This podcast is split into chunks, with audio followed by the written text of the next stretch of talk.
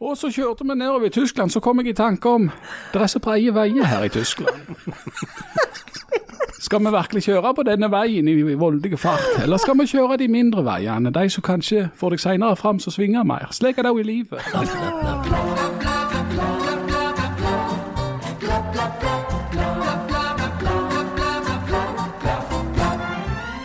I dag skal vi åpne sommerposten. Andakts-Janne skal selvfølgelig ha andakt for oss. Jan skal snakke om mangfold, og Harald skal ja, hvem vet hva han holder på med. I tillegg skal du få en kort løypemelding tre uker før valget, og vi skal sjekke hvem av oss som er mest deprimert etter ferie. Det er meg. Nei, det er meg. Nei, det er meg. Nei, det er meg.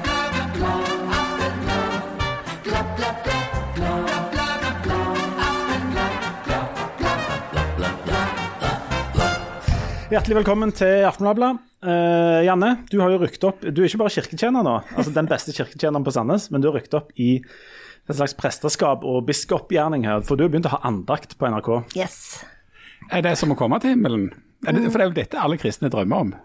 Ja, Å ha, å ha andakt på NRK, er Ja. det det de drømmer om? Er ikke det? Jeg, men, Ikke evig frelse og, og men jeg trodde det var ev- med evig frelse. Nei, fordi at det, det første som skjedde eh, etter at den eh, ble sendt, var jo at jeg fikk en klage fra et kristent menneske som jeg ikke kjenner. eh, Fordi at den handler om å være stressa på søndagen. At liksom du har det fint på søndagen, men så på et eller annet tidspunkt på ettermiddagen så begynner du å stresse fordi du ser framover til resten av uka. Og da hadde jeg ramsa opp liksom ting som kunne gi meg fred og ro på søndagen, men jeg hadde ikke ramsa opp det kristne fellesskapet. Å, Jesus og deg. Vil du, ok, la meg, la meg omformulere. Er det å få å ha andakten på NRK, er det det nærmeste dere kristne kommer å komme til helvete? Ja, det er vel kanskje heller det. Men, men, altså, Eller, ja. men ærlig talt, altså, jeg har jo registrert, siden du og meg er jo sånn venner på i sosiale medier, at du har fått fryktelig mye skryt òg. Ja, jeg har det. Men Jan Så jeg er og, veldig, det er veldig kjekt. Men du husker jo alltid bare det negative. Jan og Harald. Jan og Harald hva syns Ja. dere om andakten, eh, eller andaktene Janne har hatt til nå? Hvordan vil dere oppsummere de? Jan, Jeg syns det var eh, sterkt på formen, veldig svakt på innhold. du, du har ikke hørt den. Harald, hvordan vil du oppsummere det? Nei, jeg, jeg syns han var fin. Han, han, han provoserte fram tanker i, i meg. som- Nei, jeg har ikke det. Jeg har ikke, har, jeg har ikke det, nei. Spør meg, spør meg. spør meg. Ja, hva syns du om andakten Har ikke Peiling, har ikke hørt den. Hvem er det som hører andakten? Er det det kristne fellesskapet du ikke er en del Ja, av? jeg, jeg vet jo hvem det er. Det er jo folk som er for seint ute til jobben. For det var da Ja, jeg for det er jo det er sånn hvis jeg en sjelden gang hører andakten, så er det fordi at jeg ikke har liksom skrudd av radioen, eh, eller i tide, da. Eller, eh, altså plutselig så bare kommer han jo. Du er på feil kanal. Altså, for det at nå er det jo sånn at plutselig så er det andakt på lokalen, Ja, ja. liksom. Ja. Da er det øh, Oi. Er dette noe som skjer hver dag, eller er det bare spe spesielle dager i uka? Ja, Hvorfor spør du ikke? Hvorfor ser du ikke på meg når du spør? Hvorfor ser du bare Harald? Jeg må ikke se på meg. Og han satt og snakket og- om andakt, sånn vitende. Eh, Hva synes du, altså, hvor ofte og hvor mye Janne, skal du ha andakt? Ja, jeg, jeg skal ha nå. Eh, Altså, denne akkurat- uka. Hver dag denne uka. Det er jo Oi, hver det er dag. hver dag? Ja, ja, Og det er ikke bare på søndagen? Nei, Men det varer jo ikke så lenge, da. Det er jo fort gjort. det er veldig fort gjort, men jeg snakket veldig mye. Litt så som- det er liksom korte og lange versjoner av han. Litt som eh, men, Nei, nå er det Nei. familie. Nei. Ok, ikke si noe mer. Nei, men du, Ikke besudle min andakt. men seriøst Janne, hvordan Veldig kort hver dag, men av og til litt lenger. utrolig ut? Det er så utrolig dårlig gjort! Det er ikke bare at dere ikke hører på det, men dere må òg besudle det. Så trekker liksom noe så fint ned på et sånn et nivå. og jeg sitter på enormt vond stol i tillegg. Hør, hør nå her. Jeg, jeg, jeg beklager at jeg ikke Jeg skal faktisk høre det i opptak.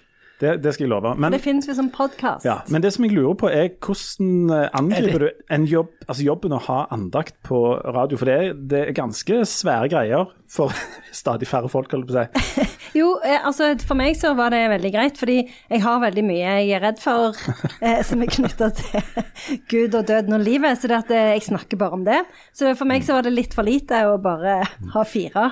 Men du, hvor mange konkurrerende podkaster er du med i til denne nå? Nei, nå er det bare de. denne. Og jeg trodde du var En. med i, i Men plutselig så, så hiver du deg rundt. Men, men det er jo mye det du snakker om uh, rundt forbi ellers òg. Ja. Så det er jo egentlig altså du, du har jo latt liv og kunst bli ett, Jeg har det. på en måte. Harald, hvis du, er. Harald, hvis du ble plukket, plukket ut og rykket opp til herligheten og fikk ha andakt på, Ja. på alvor Ja. i NRK, Ja. eh, hvordan ville, hva ville du snakket om? Jeg tror jeg hadde snakket om litt det samme som Janne, egentlig. Du Vet jo ikke hva Altså, Janne har snakket om. men altså, så, hun sier sånn generelt altså de tingene som hun liksom er redd og bekymra for. Jeg òg er jo redd og bekymra for en del ting. Harald og meg er jo helt synkroniserte på det, tenker jeg. Ja, Ok, ja. Så det er rett før dere gifter dere. Altså, Men jeg har jo ikke, Harald. ikke den trøsten i Herren, da, Nei. som, som Janne Og har. det er, altså, Hemmeligheten med andakten er jo å snakke om sånn hverdag, og så helt til slutt sier ja, Og så knytter du det til noe så leser du et bibelvers. Men du Jan, hvordan hadde du eh, gått løs på det? Jeg hadde gått løs på det sånn som dette. Jeg var på Jeg driver forretning, og i forretningslivet der vet vi at det er den ytterste dagen i året. Da skal regnskapet gjøres. Da, er det ei debetside og ei kreditside. Slik er det òg i livet. Og så hadde jeg improvisert videre derfra. Jeg blir så redd når jeg tenker på Jan sin eh, andakt. du, kan, kan, du ha Jeg begynner an, nesten å grine. kan du ha andakt om Jan sin andakt? Eller jeg kunne, jeg kunne I dag tatt da jeg var på vei til kirken, Ja. så så jeg en fugl som bygget seg et rede. Og da spør jeg deg, er du rede? ja. Eller jeg kunne tatt er. Eller jeg kunne tatt denne her. Jeg kunne tatt denne. Nei, nei, nei. Vi som jobber i næringslivet, har jo store biler. Og i sommer så kjørte vi nedover Tyskland i den nye Mercedesen, den blå. Det er en skikkelig stor Mercedes. Og så kjørte vi nedover i Tyskland, så kom jeg i tanke om det er så breie veier her i Tyskland. Skal vi virkelig kjøre på denne veien i voldige fart, eller skal vi kjøre de mindre veiene, de som kanskje får deg senere fram som svinger mer? Slik er det jo i livet. Utrolig bra. Det eneste, det eneste du faktisk mangler da, det er den Jeg vil ta deg med på ei reise 2000 år tilbake i tid. Som òg er en veldig fin innledning. Så hadde punchline vært til for Judea og Samaria. Men dette, dette er jo Alt dette her er jo reelle, reelle sitat ifra, ifra preken har holdt, som er blitt holdt på Misjonshuset på Vigrest. Der de òg hadde et veldig konkret bilde av enkelte hvordan himmelen var. Det var til å få segge seg til bords med Abraham og Isak og til å få ete kumle. Ok, vi skal avslutte denne andaktssekvensen nå, men hvis eh, til dere som hører på i NRK Til dere som hører på i NRK Men jeg kommer til å bli booka inn som and andaktsholder nå i et års Du har tid. en veldig sånn god, sånn salvelsesfull stemme, det må jeg si. Vi er ledige for oppdrag, noen og enhver her, men jeg vil gjerne holde meg til Janne. Jeg skal jo ha preken òg neste uke Nei. i Petrikirka på Skeive dager. Men du er jo ikke ordinær, ordinær Hva det heter Du er jo ikke sånn prest, er du det? Not yet, for å Men sitere du, er, du står Miyagi-san. helt på, på, på terskelen nå, Jeg gjør det. til presteskapet. Hva skal du preke om da? Skeive ting. Jeg håper du blir prest. For det, det? har vært tøft at du var både professor og prest. Ja, det har vært veldig kult. Hjemme har jeg ei lysestad-kjæreste som er ikke beinet. Hun er skeiv. Kunne det vært en måte å åpne det hele på? Vi som står på inntektstoppen i Sandnes, vi vet. Jeg kan jo i livet. Denne podkasten har, Jeg har, vi, har vi begynt, eller er dette bare sånn? Vi har begynt, men hvis vi skal evaluere nå etter så kort tid sommerferien, så går jo dette svært, svært dårlig. Så langt. Jo... I, det er I jo- sommer var det jo mye sånn alvor med intervjuer på Ja. den ene politikeren etter det andre snakket om politikk. Nå, tilbake igjen i tralten, det er bare Ok. Dette er inns- innspurten mot valget. Da blir det bare rør. Men jeg har tatt enda flere valgomater siden sist, jeg kan godt snakke om stemt, valget, jeg. Har jeg, du? er- nå er jeg immun mot alle argumenter. Det er for seint. Men du, du, for du har balt litt med disse eh, valgomatene, sant? Um, det, det snakket du om sist uke. Nå har du tatt enda en til. Ble du klokere eller mindre klok av det? Jeg likte veldig godt den. Det var TV 2 sin valgomat. Jeg prøvde å ta Vårt Land sin valgomat òg, men alle blir KrF, da. Det er juks. Det, det er opplegget rigga. Pluss at det sto at jeg, jeg, jeg kunne ikke komme inn på den, for jeg måtte svare ja på masse sånn spørsmål om at Tar du jeg imot, kunne få Jesus, tar du imot Jesus Kristus som din personlige frelser? Så jeg- Shit. Hosianna. Men eh, så jeg tok TV 2 sin. Ja. Den syns jeg var veldig bra. Fordi at da kunne du velge eh, tre sånne tema som du var interessert i, eh, og, så, og, så, og så fikk du spørsmål om de. Ja. Du fikk fremdeles spørsmål om du syntes det var greit å skyte ulv eller ikke. For det er jo meg alle Det, kategoriene. alle har den. Ja.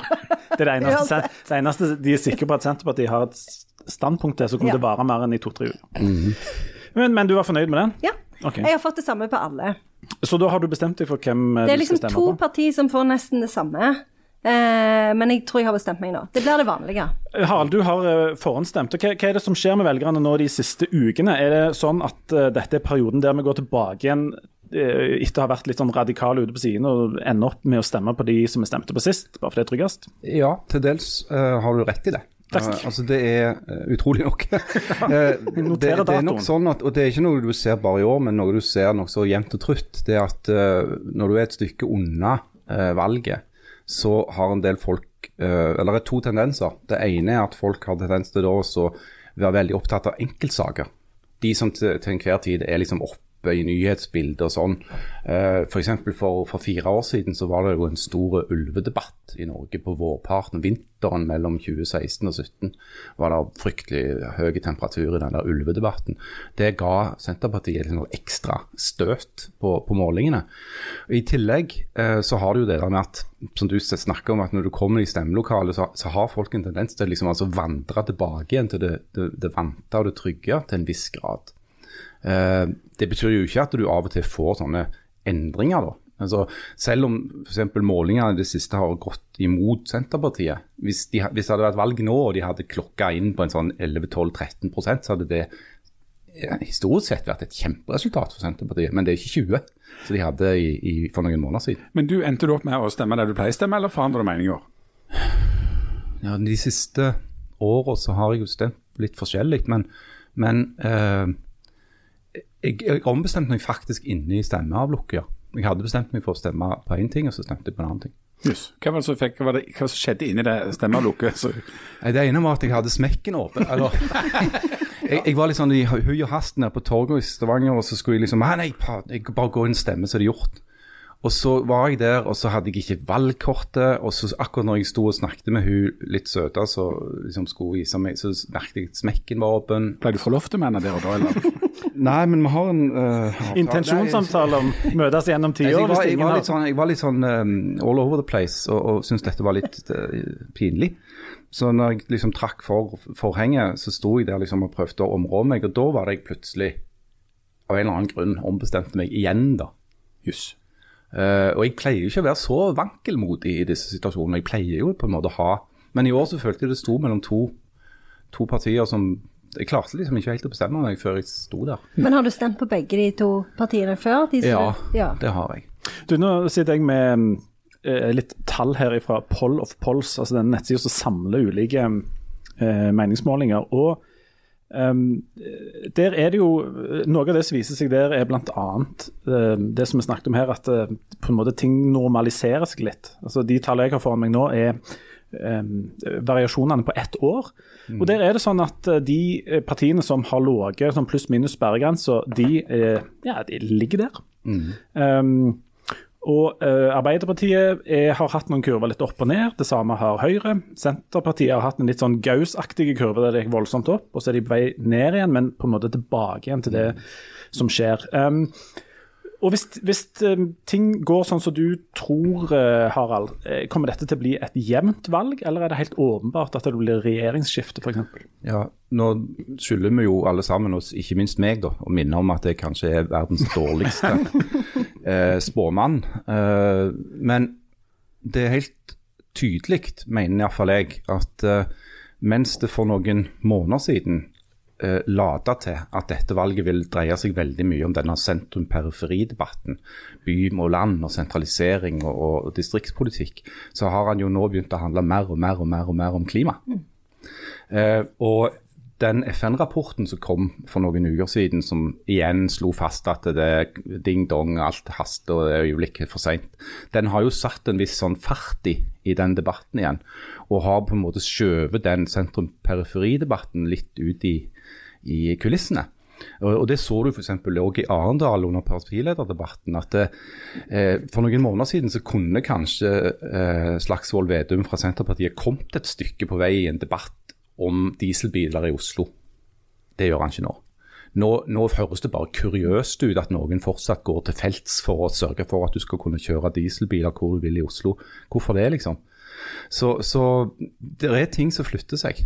Eh, og, og jeg tror at uh, valget nå blir jevnere enn mange trodde for en liten stund siden. For da virker det så åpenbart at den foretrukne konstellasjonen med Arbeiderpartiet, Senterpartiet og med SV som enten et støtteparti eller med, ville liksom vinne fram og ville ha flertall. Men nå er det jo litt mer i det blå. Og Det er jo at det, det som er spennende nå, iallfall litt mer spennende, selv om det ikke er så spennende, men det er spennende, såpass spennende at eh, den borgerlige siden bruker det for alt det er verdt. Det er jo at det er jo eh, sjansen for, eller risikoen for at eh, et eh, flert, eller altså at venstresida eller de rød-grønne skal bli, måtte bli avhengig av Rødt eller MDG på noen som helst måte.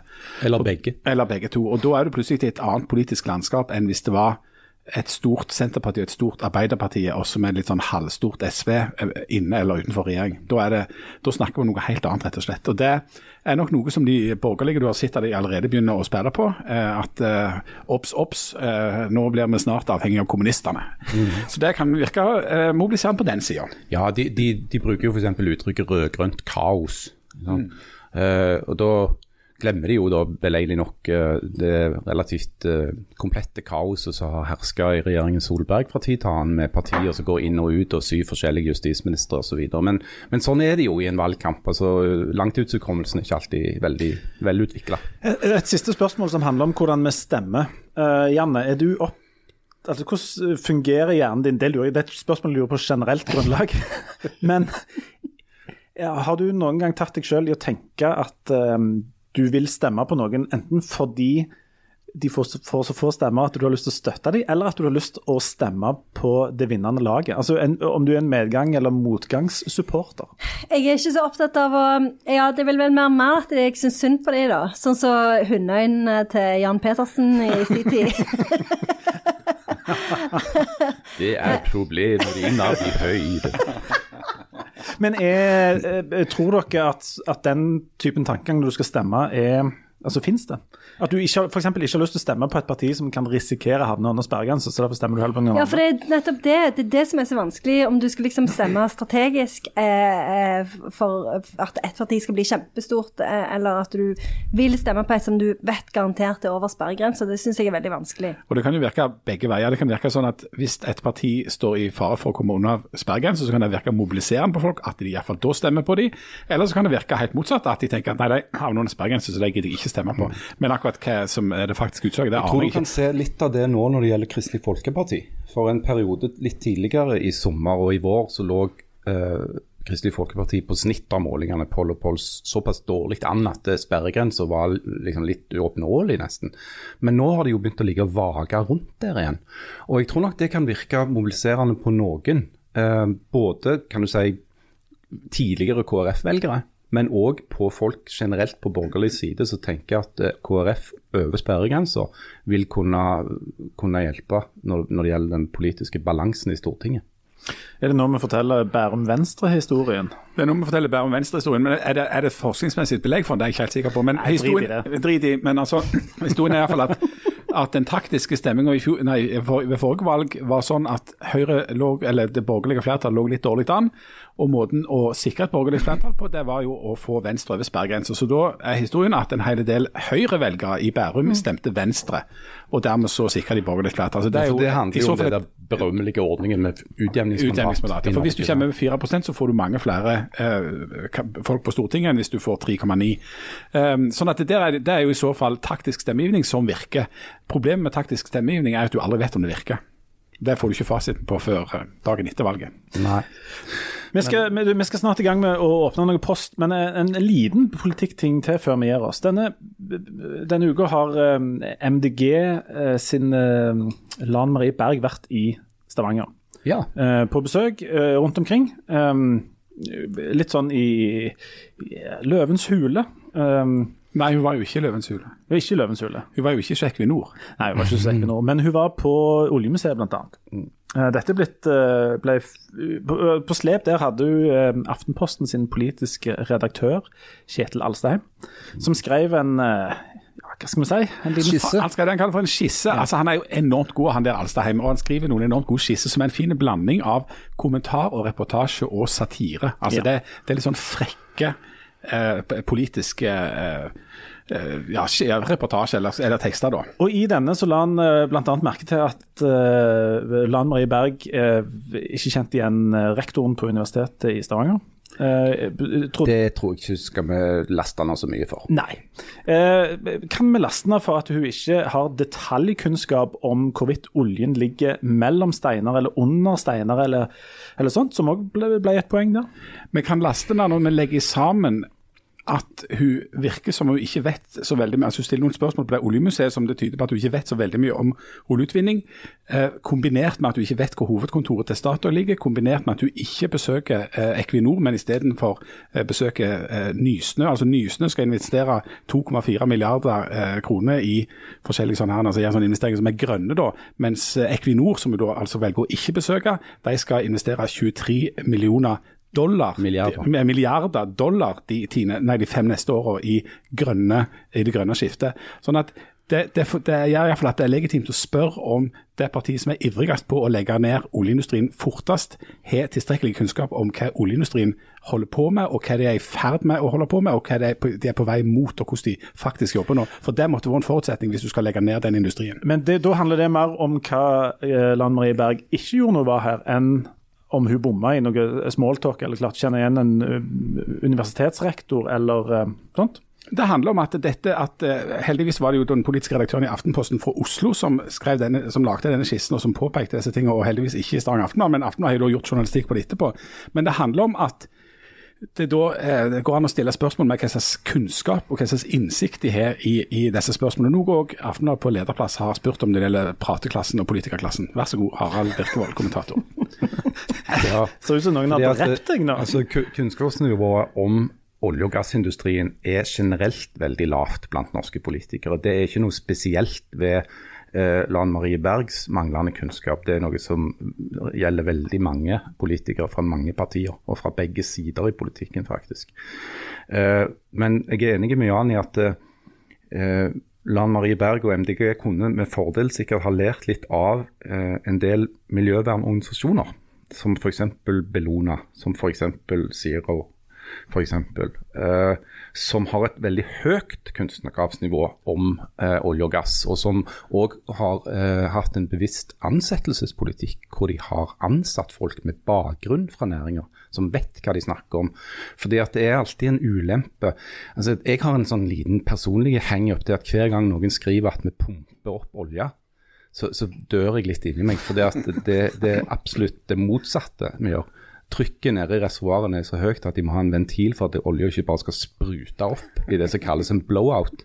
Så vi trenger overhodet er ikke å pumpe den opp. Det, men det er bare sånne, det, det betyr ikke så mye, for alle vet jo hva, hva folk mener når de sier pumpe opp olje, men det er faktisk ikke det vi gjør da.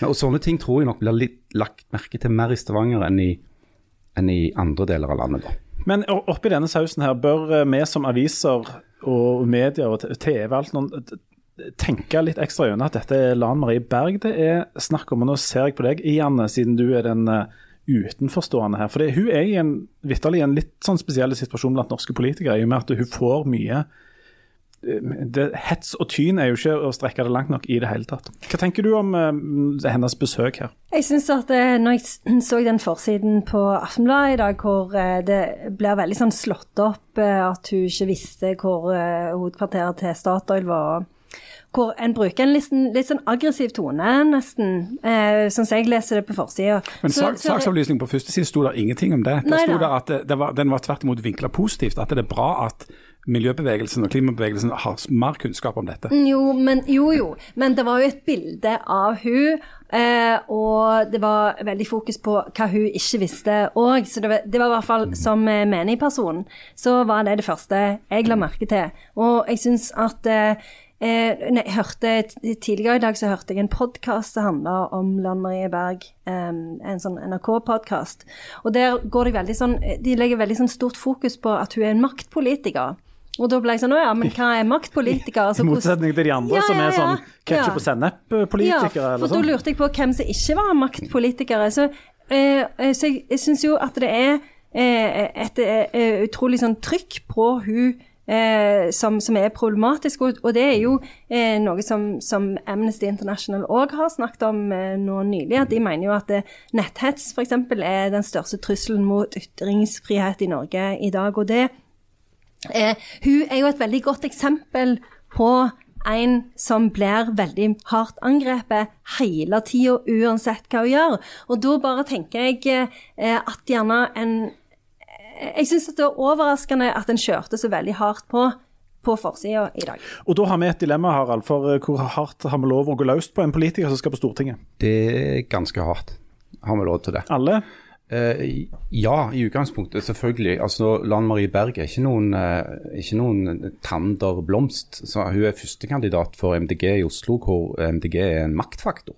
Uh, hun har mange år bak seg som byråd osv. Så og så sånn at uh, selvfølgelig skal politikere fra MDG eh, kunne gjøres til gjenstand for like kritisk og granskende journalistikk som alle andre. Men det vi vet, dessverre, det er at når det gjelder MDG, og særlig unge kvinnelige politikere fra MDG og et par andre partier, så får de en del drit i særlig sosiale medier og kommentarfelt som ingen burde få. Eh, det er et spørsmål som i stor grad handler om folkeskikk. Uh, mer enn kan du si, den type hets og trusler som er straffbare. Det, det er rett og slett bare dritslenging. Og, og, det er ganske symptomatisk for dette at eh, f.eks. kommentarfelt på den artikkelen vi lagde om Berg sitt besøk i Stavanger, kunne ikke vi ha. For der kommer det bare bås. Men da mener jeg at mener jeg at altså, Aviser og mediehus og sånt kan ta ansvar for, for, sine ting, og det vi skal ta ansvar for, det er å lage journalistikk på det. og Da mener jeg det er helt åpenbart at hvis du er førstekandidat til Stortinget og sannsynligvis havner på Stortinget og, og ja, Det er jo ikke sannsynlig hun kommer på Stortinget. Ja, hun på Stortinget. Så skal du selvsagt utsettes for akkurat det samme kritiske blikket og de samme kritiske spørsmålene som alle andre, uansett hva parti du kommer fra. Tenk hvis det var Støre som var i Stavanger og ikke visste hvor hovedkvarteret til Equinor ja. Det hadde blitt et jækla spennende ja, eller tenk hvis, ja, tenk hvis det var Sylvi Listhaug. Eh, ja.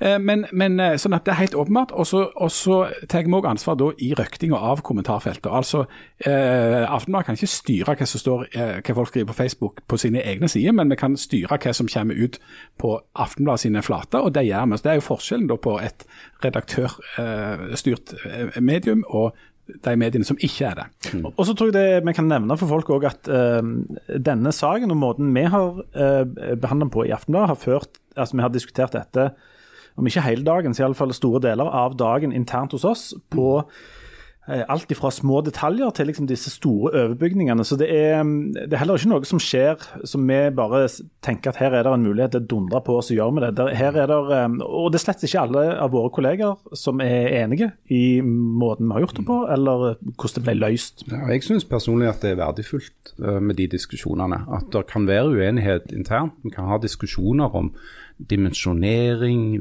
vinkling, virkemidler osv. Og, uh, og det skal vi ha. Uh, særlig når vi, når vi, lager journalistikk som vi vet er kritisk og kan oppfattes ubehagelig av de det gjelder, så har vi et veldig stort ansvar for å ta de rundene både i forkant og i etterkant. Og så mener jeg at det muligens er en, en bra, altså viser en bra ting med å ha eh, aviser andre plasser enn bare i Oslo sentrum. For sånn som det har utvikla seg i Oslo nå, så er, der, eh, så er, veldig mange voldsomt enige om hvordan det står til. Og Da er det veldig bra at det er eh, store mediehus f.eks. i de fylkene der oljeindustrien ligger, som, som, stiller noen kritiske spørsmål og som går litt dypere inn i disse tingene eh, på en måte som ikke alle andre gjør. Vi hadde jo altså i den samme rennet, og i den, den lederen som Aftenbladet publiserte, så, så handla jo den vel så mye om en professor i, i sosialantropologi som heter Thomas Hylland Eriksen, som om han handler om Lan Marie Berg. Mm. For Hylland Eriksen han, han, mener jo at vi skal gi vekk halve oljefondet fordi at det bare er flaks at Norge er et rikt land. Og Det er òg en påstand som jeg hører ganske ofte. Norge har vunnet i Lotto, og, og dette er nærmest umoralsk. Uh, og det er i beste fall veldig kunnskapsløst å hevde. Eh, for det at Grunnen til at Norge er et rikt land, er at Norge som land har betinga seg store inntekter fra oljen. Det er masse eksempler på land som har mer olje enn Norge, hvor innbyggerne er lutfattige. Og staten òg, fordi private selskaper og enkeltindivider har stukket av med alle pengene. Så den norske modellen for å forvalte oljeformuen handler ikke om flaks og tilfeldigheter i det hele tatt. Det er målretta politisk arbeid. Det er kanskje den største politiske bragden i Norge i, i den moderne tid. Kombinert med helt spektakulære teknologiske altså, utrettelse. Ja, ja, altså, hva er det får Du, at det å få opp eh, olje ifra ikke bare på en måte bakken, men fem kilometer under havet under bakken. Ja. Eh, Men jeg reagerer ikke på selve saken, fordi jeg syns jo òg at det er sånn så Jeg så jo i det intervjuet med Lan Marie Berg som sier at ja, men jeg er jo ikke oljeingeniør, jeg er jo politiker. Og um, en må jo kunne kreve at et uh, parti som krever såpass store um, endringer, uh, må vite noe om det de vil ha endringer på. Så det er liksom ikke selve saken uh, jeg reagerer på. Jeg som en velger som er opptatt av miljøsaken, vil jo gjerne vite om det er liksom, om, om, om det går an å stanse oljeleting, om, om, det, liksom, om, det, om det hjelper noe, om det er forsvarlig. Jeg vil jo ha svar på de spørsmålene. Så en, Da må en jo kunne kreve altså Da, da blir en jo veldig skeptisk til Miljøpartiet De Grønne. Fordi en tenker, ja, men Har de ikke kunnskap om det? Så Men Janne, slenger de Janne bare tenk, ut noe. tenk Men- sånn men jeg eh, bare si- tankeeksperiment. Hvis du er sånn redaktør for en dag, eh, hvordan ville du ha løst denne saken? Nei, jeg vet ikke. Jeg syns det er en vanskelig sak. Og når jeg så eh, forsiden, så, så reagerte jeg, men, jeg tenkte, men så tenkte jeg jo også samtidig at det er en vanskelig sak å løse. Uh, men, men jeg bare syns at at jeg ble, jeg ble litt skuffa. Fordi at jeg syns at den var for fokusert på hun på en måte som var litt sånn aggressiv, og som jeg ikke syns på en måte Eller som jeg tenkte at jeg ikke likte. Eller eh, det er ikke akkurat det, men jeg, jeg, jeg, var, jeg bare syns at det er problematisk at hun blir utsatt for så utrolig mye sånn personangrep hele tida, og jeg syns at det framsto Det var det første jeg tenkte når jeg henta avisen, at det, det var personangrep. Og så syns jeg òg det er problematisk, fordi at det er jo liksom det der med at eh, en, eh, sånn som vi snakket om når vi var i Arendalsuka, at miljøspørsmålet forhåpentligvis òg vil bli løst av teknologi og av industrien sjøl, og at en satser på forskning, sånn som dere sier. Det er jo veldig bra, men så må det jo være en balanse. Det må jo være noen politikere òg som gjør noe, så du må jo ha den balansen. Og da må jo politikerne kunne noe har- om teknologi. Altså, sant, det er jo Vi må øyeblikk eh, begynne å åpne post her, men jeg, jeg- jeg kom på et fiffig spørsmål her som dere skal stille dere nå. Hold, det skal du lytte Hold dere fast. Tror dere miljøbevegelsen kan mer om oljebransjen enn oljebransjen kan om miljø? Nei, det tror ikke jeg. Eh, fordi at oljebransjen har jo, de fleste oljeselskapene har jo informasjons- og samfunnskontaktavdelinger som er større enn de fleste norske eh, medieredaksjoner. Så de har folk som følger med på dette her fra dag til dag. Eh, de leser alt de skriver og inviterer de til møter og holder på. Så i, i de fleste profesjonelle oljeselskapene så er de jo veldig oppmerksomme på hva som foregår rundt dem. Det er jo i deres egen interesse. Men var det et godt spørsmål, syns du? Sånn, Ja. Hvis du skulle gitt en, en karakter Ja, fra 1 til hvis 6? jeg på en sånn skala fra 0 til ti? Ja. Ja, en seks. Seks, kanskje en, en, en, en, et mye bedre spørsmål enn det. Sterke sekser. Gjerne som kan, hvis jeg hadde stilt dette på engelsk og i diktsform, hva hadde du syntes om det da? Da hadde jeg gitt deg en B pluss. En B... Ja, ja. En syver. Åtter. Okay. Ja. Du, Vi må ta en, en kjapp liten pause. og Når vi kommer tilbake, så skal vi åpne litt, eh, blant annet åpne litt post. Yeah! Eh, vi har en gigantisk post blant annet, som vi skal åpne. Vi er tilbake om noen få sekunder.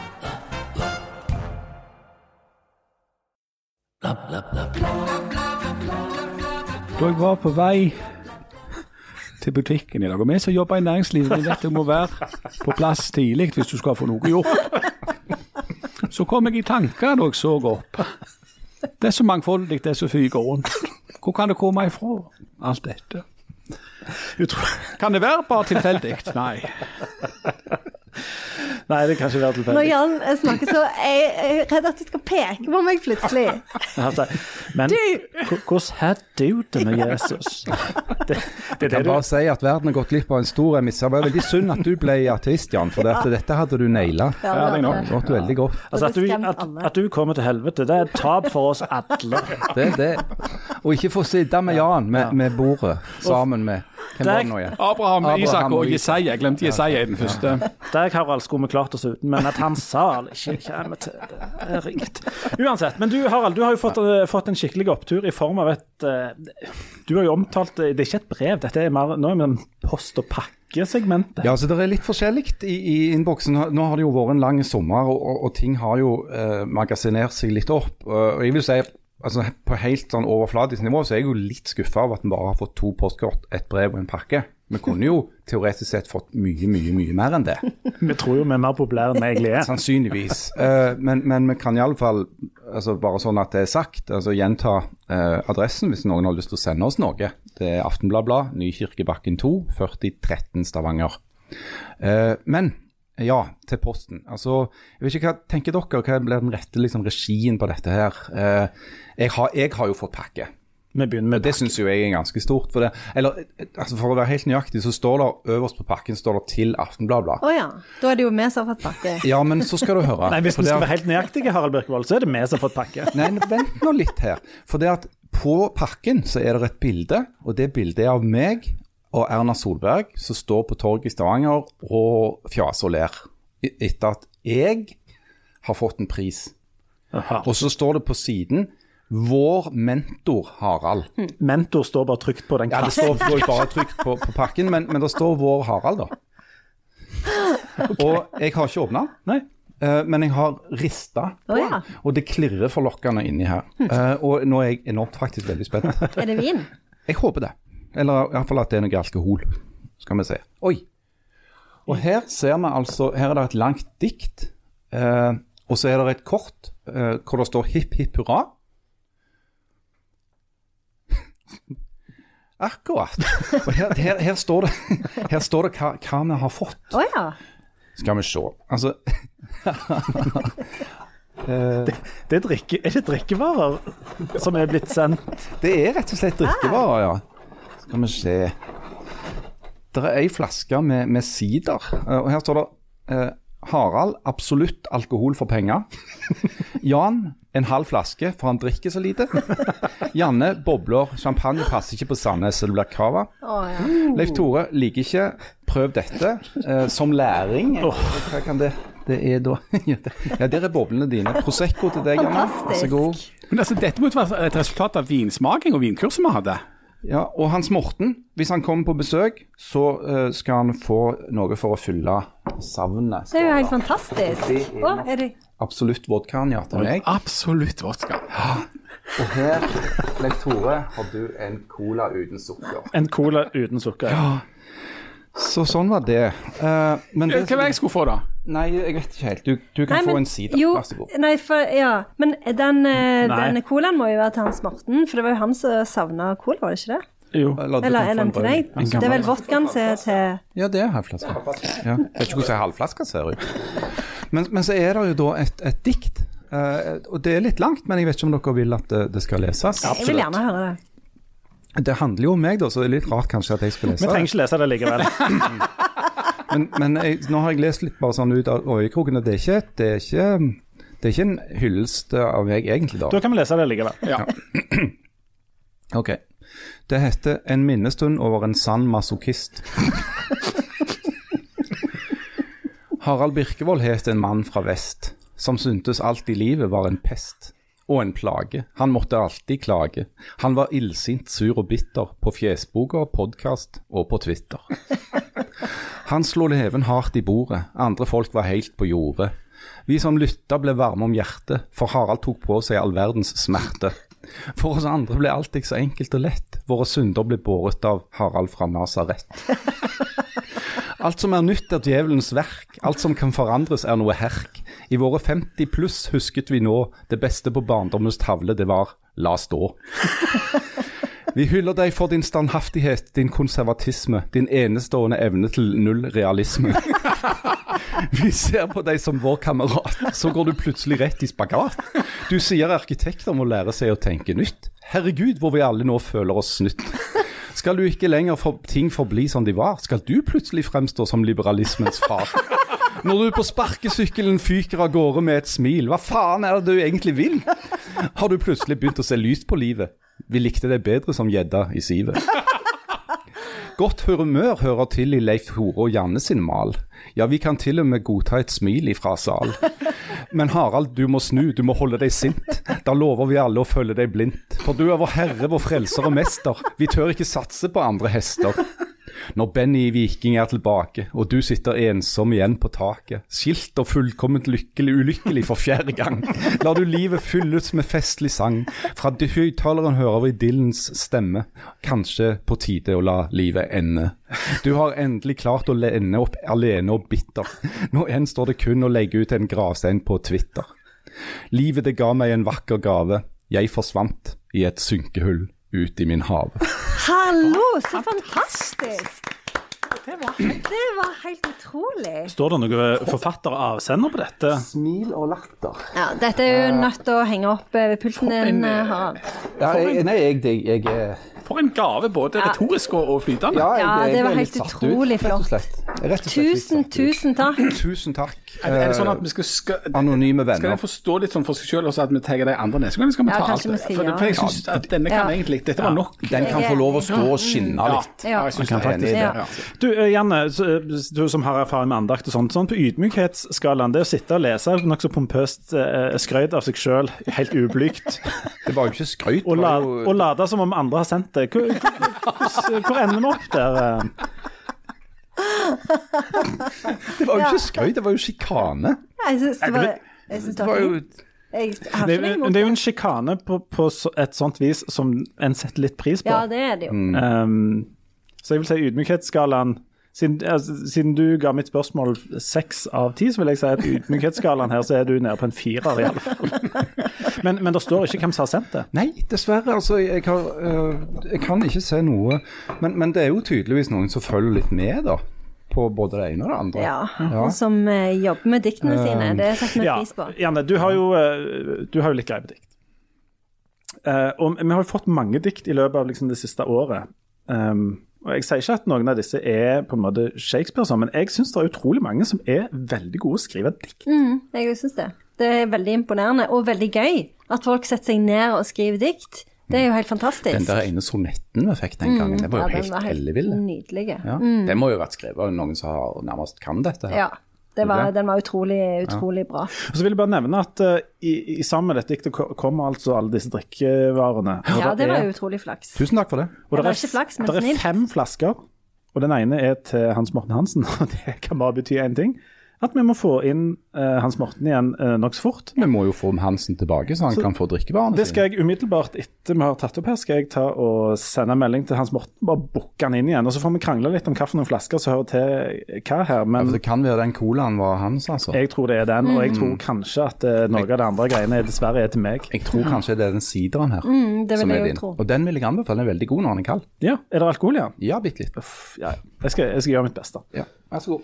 OK. Eh, Jan, du har vært på filmfestival, du. Uh, var det mye drikking der? Det er vel- Ja, ja altså, jeg, jeg unner jo på mange måter filmbransjen å få, å få lov å, å drikke og sånt. Det, det er en sånn filmfestival i Haugesund. Det er jo sånn at liksom den største og mest tradisjonsrike filmfestivalen i Norge, den er altså da i Rogaland av alle ting, og av alle plasser i Haugesund. Men det var jo fordi Marilyn Monroe kom fra Haugesund. Det er jo noe alle vet. Ja, det er jo noe alle vet, og derfor så måtte jo den logisk havne der. Sånn at en gang i året så, så reiser da den norske og, og deler av den nordiske filmbransjen til Haugesund, og så eh, møtes de i mange sammenhenger. Jeg har vært der en del år. I fjor var det jo veldig rart, for da var det korona, så da var det jo nesten ingen folk, verken i publikum eller av bransje, selv om eh, kommunelegen hadde sagt at det var trygt. I, I år var det mer folk både av bransje og av publikum, men ikke helt tilbake til der som det en gang var. Um, men da er det da altså, for folk flest i Haugesund så kan de gå og se filmer hele dagene hvis de ikke har jobb og, og, Har noe liv. og, eller noe liv, eller noe sånt Der. Men, men det, er, det er jo fantastisk stas, og så er det viktig nok for bransjen i at de møtes da og, og handler og hviler og dealer og, og, og sørger for at det kommer filmer rundt omkring. Og så har de en del sånn seminar. Og du er jo en av de, som, en av de ytterst få man vil si, som, eh, som ser fram til med glede til disse seminarene. Og alltid finner et eller annet som filmbransjen har gjort feil, og så skriver du det i avisa. Og så er ingen som gidder lese det, men vi sitter og snakker om det lell. Ja, ja, ja. ja. Um, og du har funnet eh, feil og mangler i, i år òg, som jo for så vidt er, står i arbeidsinstruksen din når du setter deg på bussen til Ja, det er jo dette jeg skal jeg betale for. Nei, men altså, dette, dette er jo en feil og mangel, som ikke er feil og mangel, men, men dette er et begrep som jeg har merka meg i ikke bare på en måte filmpolitikk, men i hele, eh, i hele Norge nå, eh, og som er et sånn voldsomt motord, og som gjelder alle kunstformer, rett og slett. Og som det selvsagt var nok et seminar om nå. Det føles som om omtrent halvparten av alle seminar har en bolk som handler om dette, og det er da ordet mangfold. Mangfold er det store nå, motordet i eh, kulturlivet. Um, og, og, det er utgangspunkt i at en har fått diverse undersøkelser og, og ser liksom at det meste av det som foregår er, er, er veldig kvitt og, og liksom lite etnisk på en måte variert. Der du kan si at det er en viss gjeng med folk som har liksom laget filmene og, og, og, og, styrer rundt omkring i Norge på, i forskjellige plasser. Og så, så har det da blitt utfordra.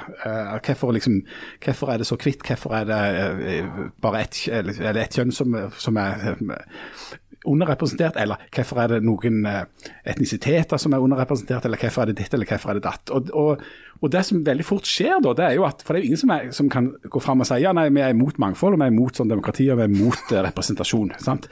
Eh, tvert imot så er det sånn at hvis du da er et kvitt menneske, og i hvert fall eh, som har sittet en, en plass der det er penger og makt og sånn, så skal du legge deg helt flatt og så skal du ta en voldsom selvkritikk for at det er sånn, og love å gjøre et eller annet med det. Eh, og, og, alle er jo enige på en måte så langt, men, men det jeg spør litt om, det er hvordan du skal få til mangfold uten at det blir en parodi etter hvert. Eh, helt konkret så, så krever nå f.eks. Eh, Norsk Filminstitutt, som er den store pengebingen i norsk film, og du må huske det å lage film det koster titalls millioner. Det er helt ekstremt dyrt. Derfor er det grenser for hvor mange filmer du kan lage i Norge i et løpet av et år.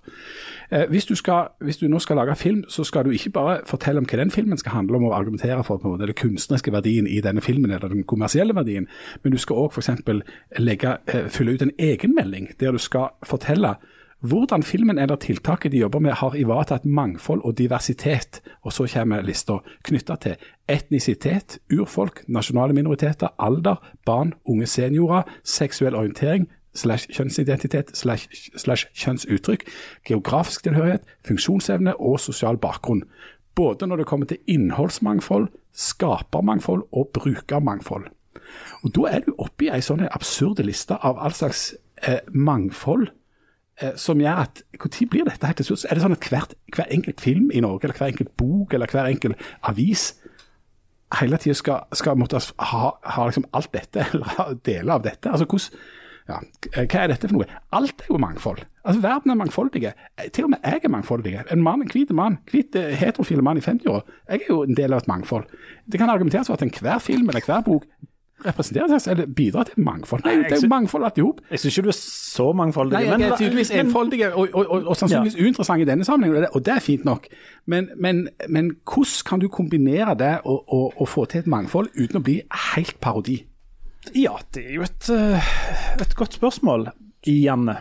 Eh, nei, altså jeg tenker på sånn som når du sier det der med de der eh, skjemaene og sånn som må fylles ut. Så, så, jeg jobber jo i staten, fyller ut veldig mye sånne skjema hele tida. Veldig tidkrevende, veldig slitsomt. Og det gjelder jo alle yrker hvor du fyller ut masse sånne skjema som egentlig er sånn meningsløse. Men så er det jo dette her med at eh, en, en, for eksempel, nå har jo du på deg Hamilton-T-skjorta i dag. Den er den fineste T-skjorta du har. Jeg er veldig misunnelig. Ja. Eh, og der har du jo et eksempel på eh, at eh, Eller et, et verk som, som, eh, som, på en måte scorer sekser på eh, mangfoldighets eh, terningen. For der har du jo eh, Thomas Jefferson blir portrettert av en svart mann, og en har ikke tatt, eh, en har tatt eh, hensyn til kjønn, men en har ikke tatt hensyn til etnisitet når en har kasta folk med vilje. For å vise at du trenger ikke For det er jo ofte sånn fremdeles i norsk film at en ser etter en spesiell type når en skal kaste, mens eh, USA har jo kommet litt lenger enn i det enn en oss, men, men, men, fremdeles er det jo sånn at en ofte er veldig sånn innelåst i eh, en spesiell idé om hvem det er som skal ha mest replikker, hvem det er som skal være kasta i en spesiell rolle, eh, når en tenker på etnisitet og, og, bakgrunn. Og så vil jeg bare si én ting til, og det er jo at det, en ser jo fremdeles at det, eh, nesten alle filmer scorer ekstremt dårlig på den Bechdel-testen. For eksempel så Hva er Bechdel-testen? Det er jo den testen som er oppkalt etter Alison Bechdel, som jeg har forska på. Eh, og eh, hun skriver grafiske romaner, men hun har òg eh, fått oppkalt denne testen, etter seg fordi at hun skulle ville se på hvor mange eh, prosent av replikkene som uttales av kvinner i en film. Eh, veldig lite. Og eh, nå har han nettopp tatt den testen på Marvel-filmene, f.eks. Og jeg tror det er, det så, Jeg tror det var 13% eller noe sånt av eh, dialogen som eh, blir uttalt av kvinner. Så dette det er jo, det er jo ikke en eh, Vi har jo ikke nådd i mål på noe som helst vis. Og derfor så er det jo kanskje nødvendig at en eh, har en, en sånn en eh, Hva det heter At en eh, gjør folk oppmerksomme på det og får det til å ligge framme i pannen istedenfor langt, langt bak. Så Og, derfor så og, da må det, og da må det tvang og skjema til, Jan. Når jeg skrev denne kommentaren, så hadde det utgangspunkt i uh, Amanda-show-utdelingen der Odd Magnus uh, Williamson, som var uh, toastmaster, som var konferansier, hadde en sånn roast i starten av, der han um, liksom tok for seg folk som satt der da. Og så pekte han da på Nad Akademi, som er en ekstremt flink skuespiller som har iransk bakgrunn. Og så sa han at ja, han er jo nominert for beste birolle, selvsagt, for det er jo i birollene produsentene fyller på med mangfold og det som er annerledes, sånn at de kan sikre NFI-pengene. Og Det er jo det du vil se hvis du ser norske filmer nå, at du ser det er ganske mange eh, flere folk med, med brune farge. Og så er spørsmålet er, er det noen som nærmest har blitt plassert der for at de skal, skal klikke ut på denne testen. da. Når du snakket om Hamilton, så er jo den veldig interessant den musikalen. Der har de altså kasta fargeblindt. Veldig, øh, det var litt, sånn, litt oppstandelse rundt det, men det var veldig bevisst gjort.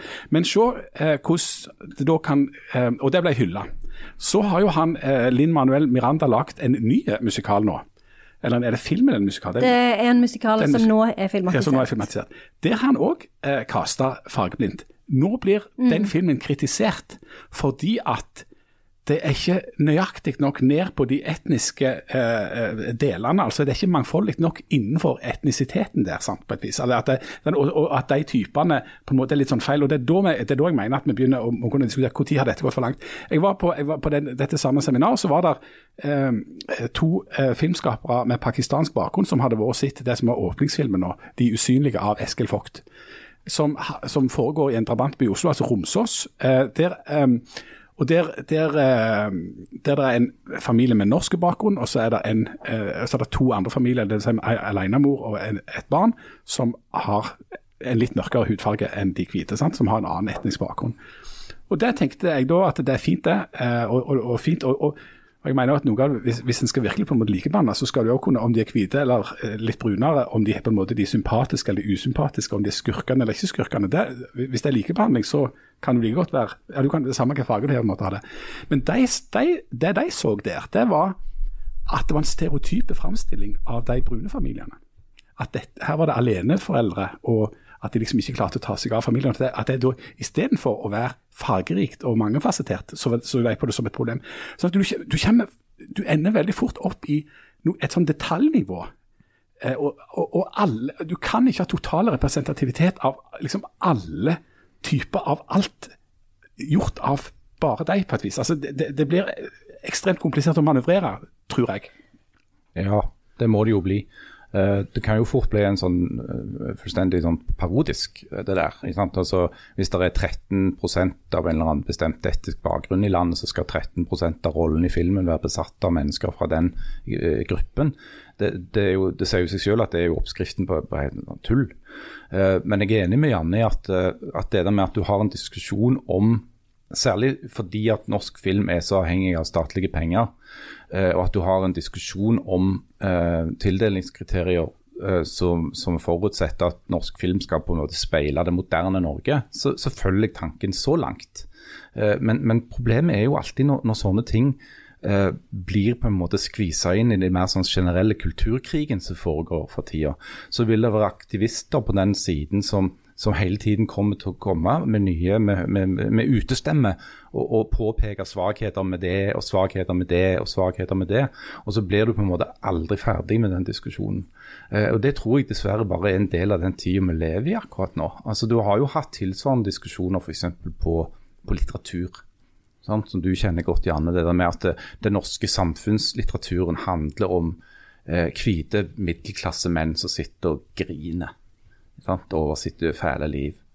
Eh, og du har hatt det til dels òg i den billedkunsten. At eh, den, den gjengse norske billedkunstner, det er jo en, eh, en hvit middelklassemann som sitter og maler bilder av sitt Og du har det i norske medier, altså i norske aviser og alt sånt. her.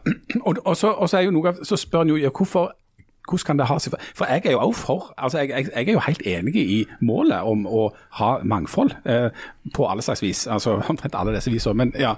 men så er det hvorfor får vi ikke det mangfoldet? Da er jo noe av forklaringen at for det er de som sitter på de plassene der ting blir bestemt, altså la oss si da det er filmbyråkrati eller det er forlagene eller i ledelsene av avisene, at de er da en, en viss gjeng. sant? Ofte hvite uh, mannlige middelklasse. Ja, jo, kan vi ha et kvinnelige middelklasse òg. Det, er jo- det er ikke sånn at det ikke er en dame som er leder. Det er ikke en eh, mann 52 år, alt dette her. Men så er det sånn hvis du, skal, hvis du da skal kreve at det skal være, og, og, og dermed mangler mangfoldskompetansen i byråkratiet eller i, på de plassene, da, sant? Men, men det bryter med et byråkratisk prinsipp hvis det er sånn at du må være det for å kunne se det. Altså at altså Byråkrati skal jo være blindt, og det skal også være fargeblindt. Det bør være mangfold, det, mangfold i, i byråkrati, men du kan ikke forvente at, et, et, at byråkratiet i Norsk Filminstitutt eller i Stavanger Aftenblad skal ha en sånn prosentvis representasjon av alle slags minoriteter, fra urfolk til, sek, eh, til seksuell identifisering, til eh, etnisitet, til alle. altså det er noen helt umulige krav. så Jeg hvordan har jo hørt det eksempel blitt framført at nå er det på tide med en kvinnelig James Bond. Ja, sant? Nei, det er ikke det. Nei, ikke. Så- Men likevel eh, så er det jo kjempeviktig at vi har en bevisstgjøring på eh, alle disse tingene. For hvis ikke så blir det jo ikke noe endring. Hvis ikke så fortsetter jo alt som før. Eh, og det syns jeg at en skal ha både når det gjelder eh, Ja, altså når det gjelder mangfold, rett og slett. Eh, og, og, og, det- og det kommer en, kom en ikke unna. Og en kan klage på byråkrati og all slags sånne ting. Men, eh, men den bevisstgjøringen er kjempeviktig, for at vi er faktisk ikke i mål, verken når det gjelder likestilling eller andre typer eh, like. Den, den, den ultimate testen på når vi har nådd i mål, det må jo være for nå, han Odda Williamson sa jo på slutten da at nå er det liksom på tide å få en, en, en brun eller en svart eh, Espen Askeladd. Men den ultimate testen er jo når du får gjort det helt motsatt. da. Kan du noen gang tenke deg at du får en hvit person som spiller Nelson Mandela? Men eh, Da er det fargeblindt. Det er et ganske godt spørsmål. Men det er jo- Harald, hva, hva, hva, hva terning hva, altså på en skala fra Jeg mener det skulle vært Kristoffer Joner. Som Skulle Nelson ha- Mandela. Som, som Nelson Mandela, ja. Eller biskop Tutu. Ja. jeg er veldig sliten nå. Jeg er veldig... Du, er, um, uh, New York Times sin podkast Daily har, uh, noen, gjør noen veldig fine ting en gang. og Hvis det er noen som har lyst å virkelig sette seg eh, mer inn i denne problematikken, så har den podkasten en episode der, de, eh, der det er noen som har vært og skrevet om en, um, TV-serie der hovedkarakteren er blind. Altså en blind kvinnelig eh, detektiv. Men som spilles av ei seende dame. Det har selvfølgelig skapt furore, fordi at blinde mener at um, den karakteren burde vært spilt av en blind skuespiller. Eh, jeg skal ikke si hvordan det, hvordan det går, men det er en ganske interessant episode der mange av disse problemstillingene blir eh, tatt videre. Så dere kan em, høre på den. Janne er sannsynligvis med i den podkasten òg, siden hun er med i alle Du er med i alle podkaster, Og altså. hun hører òg andakten i podkasten til Taliban eh, Stemmer det. denne uka. Det har jeg ikke. Har du ikke det? Nei, det har jeg ikke. Så mangfoldig er du ikke. Nei. I Taliban, de, er, de, de, har ikke ikke sånn, Taliban. de har ikke sånn skjema. Taliban-halvtimen. Nei, De har et annet skjema. De har ikke sånn mangfoldsskjema. De. Nei, nei. Tanker i tiden. Tanker i tiden med Taliban? Men hvis Taliban hadde ringt deg og spurt kan du ha noe innlegg på årskonferansen, da? så hadde du Jeg hadde sikkert sagt ja. Nei, jeg hadde ikke det. Jeg hadde De, ikke. de de, de diskuterer om de skal ta inn dette med mangfold og sånne i, i vedtektene nå for Taliban. Det er byring. Du, eh, Siden Jan og, og Harald eh, ikke kommer til å høre andaktene dine, kan du røpe litt om hva de kommer til å handle om? Det. Jeg har bare én igjen. er det bare én igjen? Og det er fremdeles ting du er redd for? Og Det litt, et handler, bibelvers? handler om å være veldig redd for evigheten. Den er i morgen. Jeg trodde alt handla om Gud og Jesus, jeg, men OK. Jo, men det, er- det er jo en del av pakken, det. Jeg òg hadde vært livredd for evigheten hvis jeg var deg. Tenk hvis det er kjedelig. Ja, ja, jeg vet det. Og tenk hvis du altså, aldri får sove. liksom. Tenk hvis du må være våken hele tida. Men mellom oss er er det at vel du bare har soft flora og ikke bremykt. Nå snakker du om det konseptet som Leif Tore har Nemlig. introdusert. Helt til slutt her, da. Jeg lurer på om det kan være et mellomstadie mellom uh, himmel og helvete, som vi har vært inne på. Skjærsilden, som det kalles. Eller helsike, som jeg liker å kalle det. Ja. Der ting bare er litt, litt kjipt. og det, Men det er jo en TV-serie om det, for det er jo The Good Place. Eh, og der er det jo sånn at eh, Har dere sett The Good Place? nei. Den er veldig, veldig gøy. Har du andakten i den? Men der kommer de til Hva er det for noe? Good- En TV-serie, er eller? eh, hun Hva hun Kristen et eller annet. Dunst. Ja, og, ja, Dunst og Ted Dansen eh, spiller i en sånn en serie hvor det er ei som lyver. eh, eh, eh, hvem hun er, eller hun blir liksom sånn mistaken identity, så kommer hun til himmelen, men så er det liksom en sånn himmel hvor de ikke har is, de har bare frozen yoghurt. Og så lurer jeg på hva Det er jo slags sted typisk heter. helsike. Ja, litt kjedelig. Det er typisk helsike. Den må dere se, den er faktisk helt Men, men superbra. Leif Tore, siden du, du har jo òg en viss sånn teologisk kompetanse. Når du tenker på helsike, er det en sånn plass der du får en anledning til å ombestemme deg?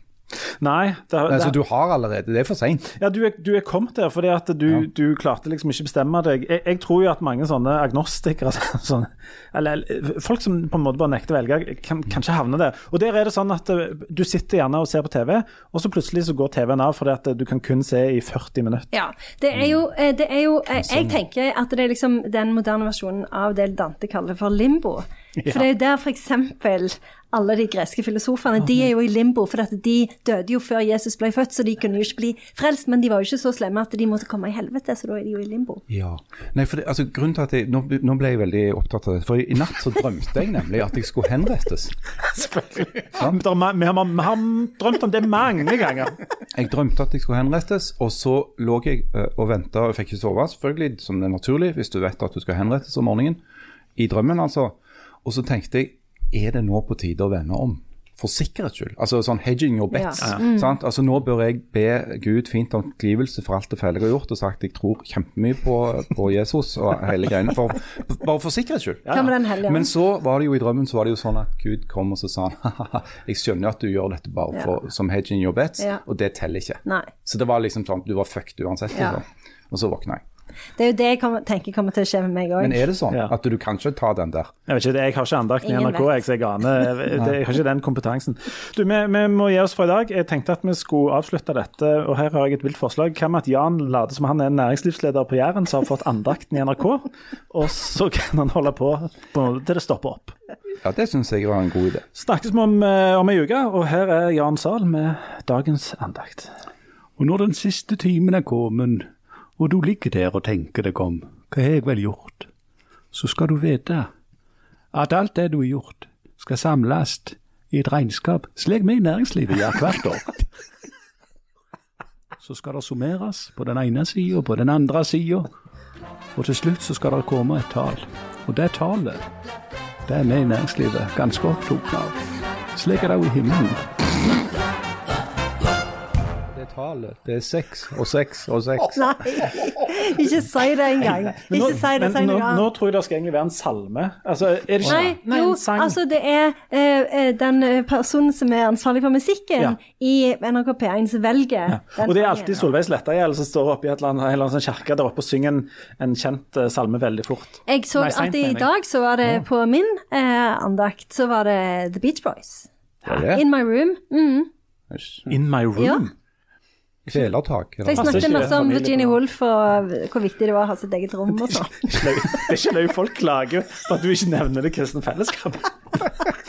Så bruker jeg hele andakt på å snakke om Virginia Woolf. Mange tror er et innlegg i ulvedebatten.